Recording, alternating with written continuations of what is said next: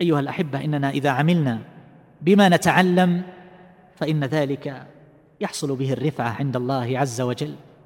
بل الرفعة في الدنيا والآخرة. الله عز وجل يقول يرفع الله الذين آمنوا منكم والذين أوتوا العلم درجات والذي يعمل بعلمه يحصل له الاستقامة والثبات ولا يشقى ولا يضل في الدنيا ولا في الآخرة. العلم أيها الأحبة جنة ومجالس العلم من رياض الجنة ولكن ذلك لا يكون ولا يتحقق إلا إذا كان الإنسان يعيش هذا العلم عمليا في سلوكه وحياته. والله عز وجل يقول فإما يأتينكم مني هدى فمن اتبع هداي فلا يضل ولا يشقى.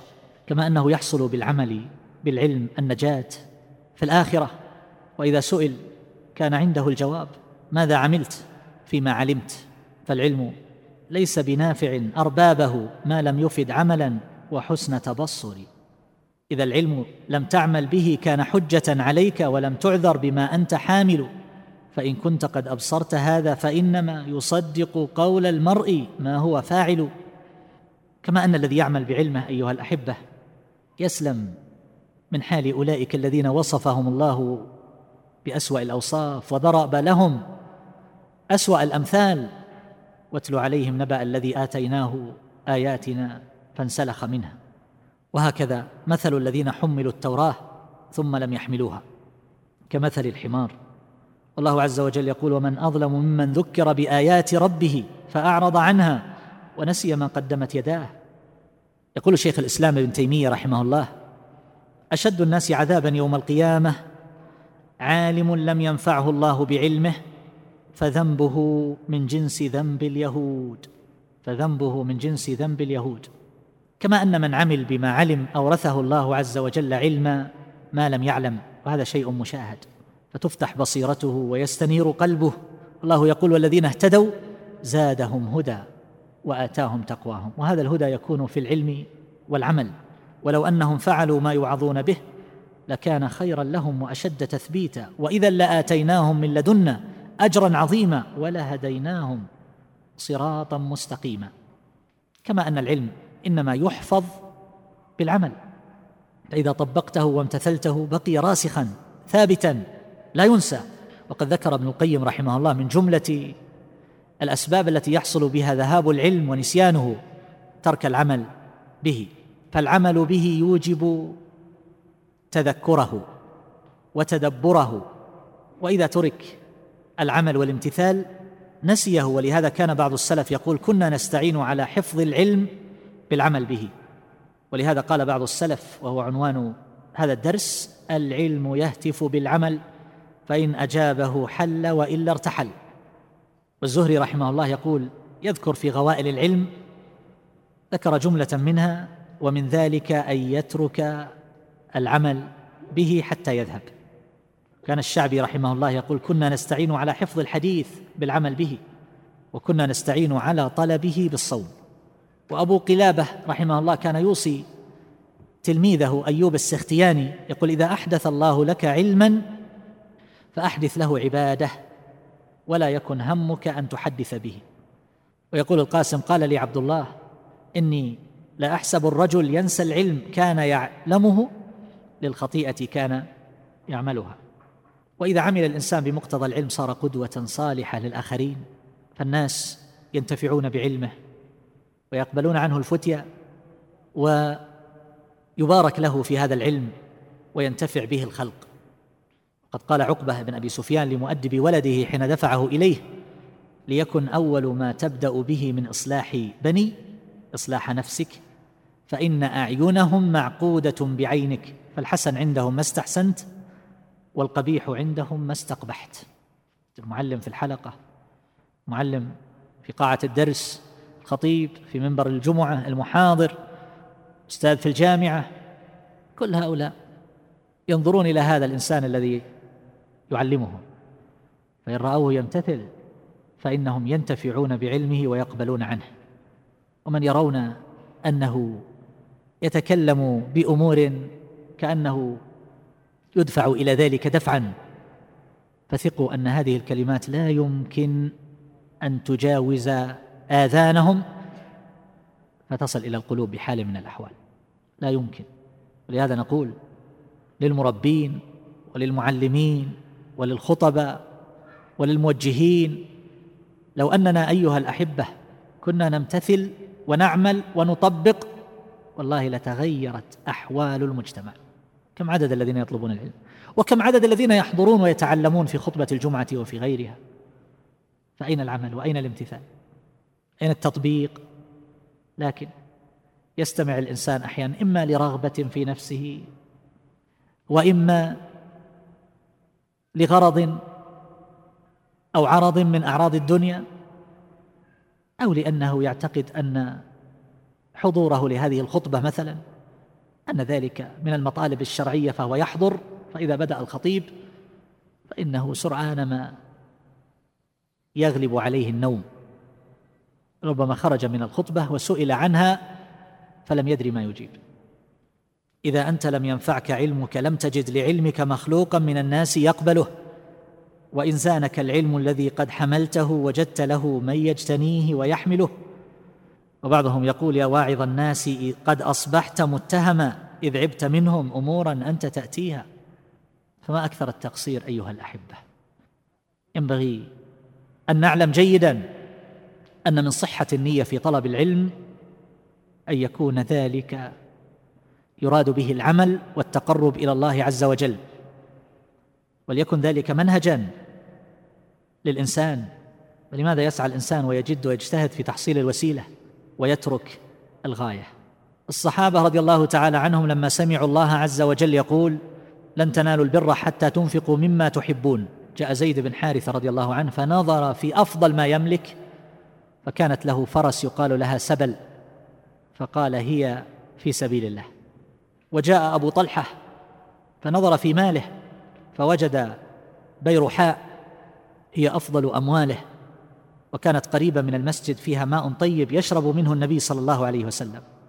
فلما نزلت هذه الآية أيها الأحبة قال يا رسول الله إن الله يقول لن تنالوا البر حتى تنفقوا مما تحبون وإن أحب أموالي إلي بيرحاء وإنها صدقة لله أرجو برها وذخرها عند الله تعالى فضعها يا رسول الله حيث أراك الله. من منا يوم مر على هذه الآية؟ ونظر في شيء من ماله ليس في أحب الأموال إليه. وأخرجه من؟ من؟ كم مرة قرأنا الآية؟ وكم مرة حركت في نفوسنا ساكنا؟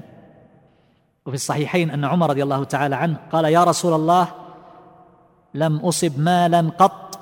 حينما سمع هذه الآية هو أنفس عندي من سهم الذي بخيبر فما تأمرني به؟ قال احبس الأصل وسبل الثمرة. وهكذا كانت له جارية من سبي جلولاء وكانت من أحب الأشياء إليه. فقال هي حرة لوجه الله. لما قرأ هذه الآية. وابن عمر رضي الله تعالى عنهما يقول حضرتني هذه الآية لن تنالوا البر.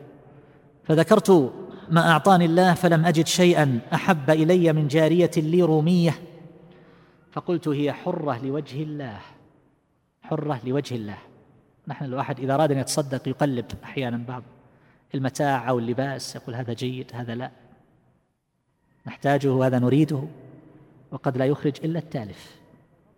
لربما يمر لو, لو نظر الإنسان وحسب في مدة عام كم مرة تصدق؟ بصدقة مما يحب. أقول لا نذهب بعيدا أيها الأحبة. فتش وانظر. وافحص. وقلب أمورك واجلس مع نفسك هذه الليلة وانظر في أحوالك وأعمالك وتقصيرك وما أنت عليه من الحال والعمل ثم جدد حياتك. لا نذهب بعيدا. النبي صلى الله عليه وسلم كما في حديث أبي هريرة رضي الله عنه يقول والله إني لأستغفر الله وأتوب إليه في اليوم أكثر من سبعين مرة.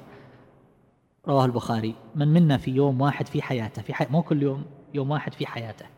استغفر سبعين مرة في حياته النبي صلى الله عليه وسلم في اليوم أكثر من سبعين مرة. وفي حديث الأغر المزني رضي الله عنه عن النبي صلى الله عليه وسلم يا أيها الناس توبوا إلى الله واستغفروه فإني أتوب في اليوم مئة مرة. رواه مسلم.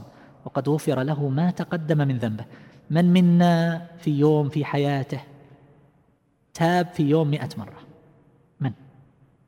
في يوم واحد مئة مرة. نسمع هذه الأحاديث دائما. لكن أين الامتثال؟ وأين التطبيق؟ وأين التغيير؟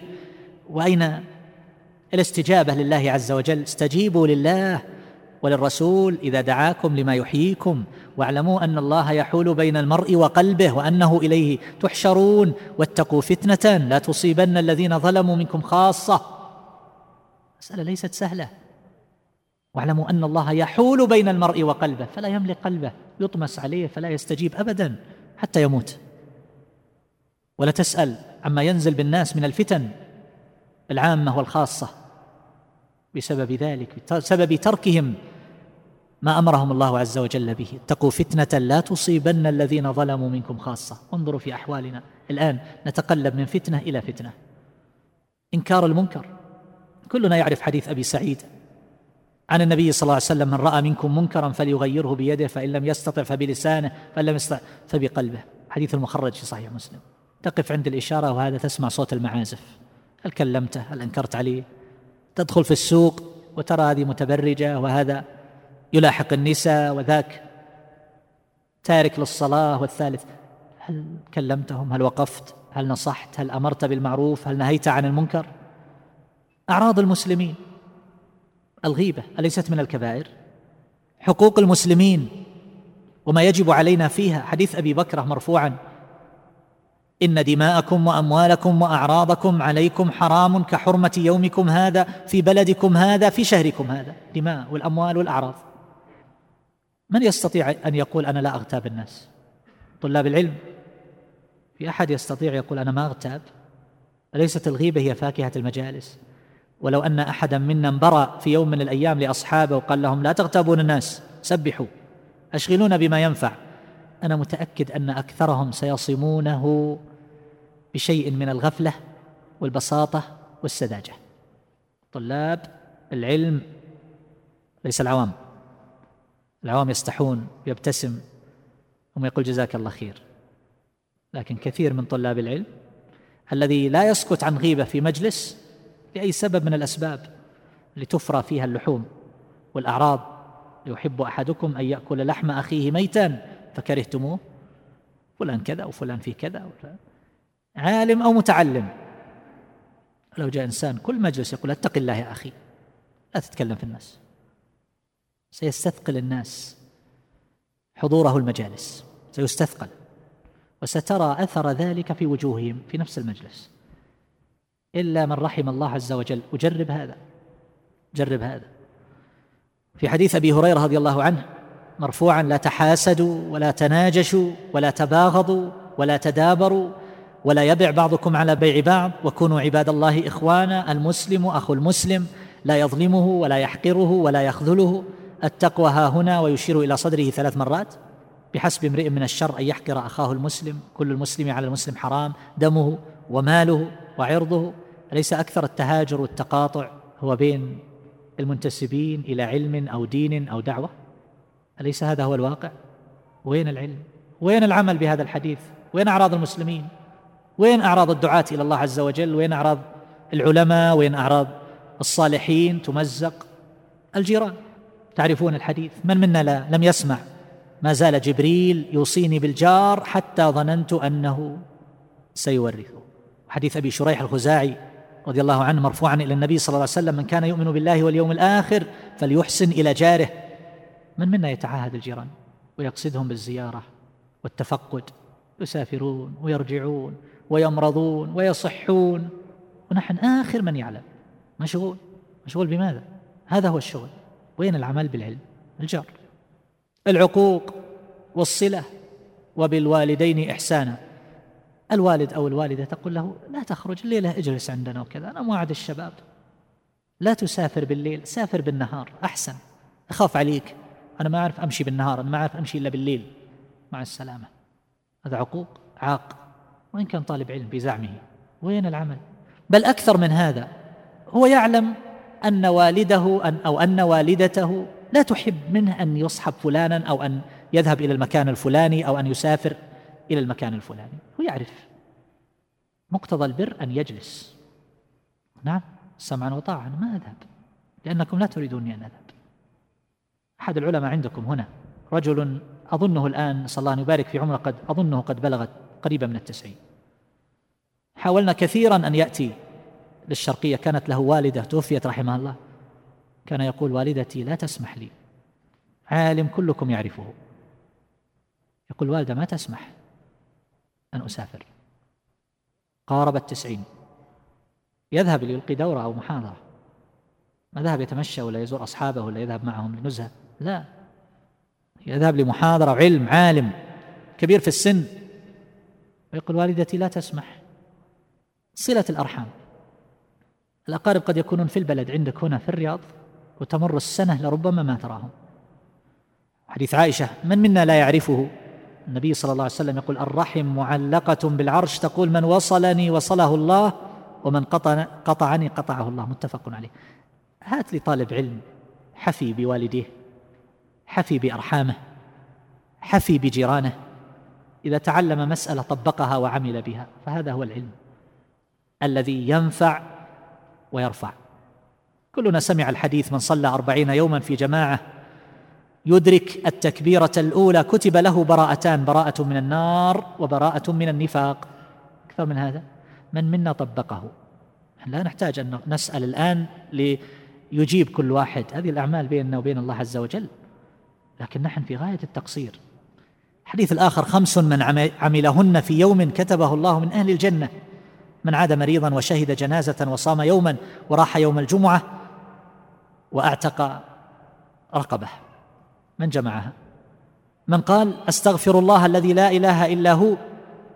من قال أستغفر الله الذي لا إله إلا هو الحي القيوم وأتوب إليه غفر له وإن كان فر من الزحف سمعنا من قاله بهذا النص. الصلاة على النبي صلى الله عليه وسلم في ليلة الجمعة وفي يوم الجمعة دعك من بقية الأيام. كم مرة نصلي على النبي صلى الله عليه وسلم في اليوم والليلة؟ فالنبي صلى الله عليه وسلم يقول إن أولى الناس بي يوم القيامة أكثرهم علي صلاة. كم؟ احسب في يوم الجمعة غدا الجمعة هذه ليلة الجمعة الآن. كم مرة تصلي على النبي صلى الله عليه وسلم؟ اسأل نفسك هذا السؤال واحسب. كم مرة؟ بالكاد سورة الكهف. بالكاد.